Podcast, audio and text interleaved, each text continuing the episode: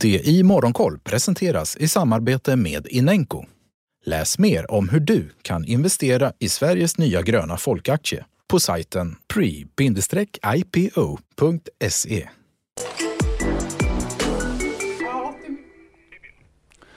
God morgon och välkommen till DI Morgonkoll. Det är mestadels neråt i Asien under morgonen efter en svag utveckling på Wall Street igår. Tokyobörsen håller stängt. Ja, USA-börserna föll alltså tillbaka igår. Det breda S&P 500-indexet slutade på minus 1,8 och nedgången kom efter att inflationstakten i januari stigit mer än förväntat. Nedgången späddes på när en av de amerikanska centralbankscheferna, James Bullard, i ett uttalande sa att han stödjer räntehöjningar med totalt en hel procentenhet till i början av juli.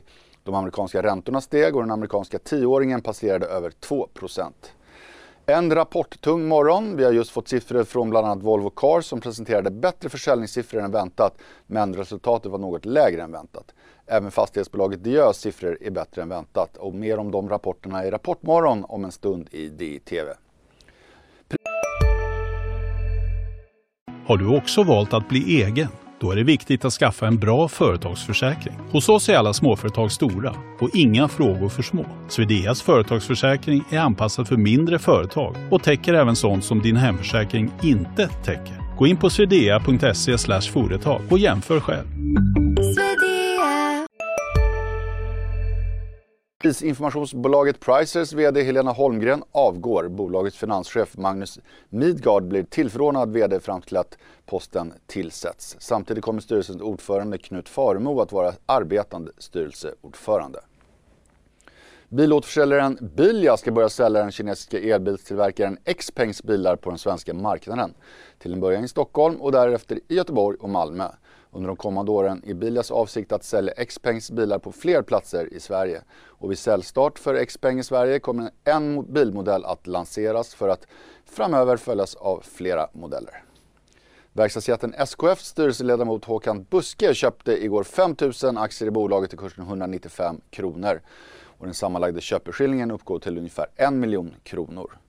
Och idag ser vi som sagt återigen fram emot många bolagsrapporter. Förutom Volvo Cars så kommer bland annat siffror från Sweco och Boliden. Vi pratar med bolagens VD under morgonen och sänder fram till klockan halv tio i DTV.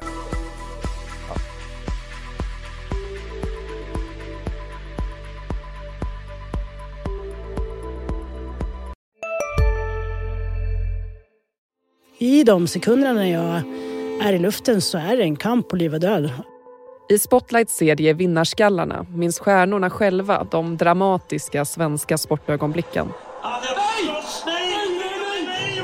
Hör Anja Persson berätta om när hon kraschade i OS-backen men reste sig igen. Jag ville vinna över berget. Vinnarskallarna. Nytt avsnitt varje fredag. Sök efter podden Spotlight. CSRD. Ännu en förkortning som väcker känslor hos företagare. Men lugn, våra rådgivare här på PWC har koll på det som din verksamhet berörs av. Från hållbarhetslösningar och nya regelverk till affärsutveckling och ansvarsfulla AI-strategier. Välkommen till PWC.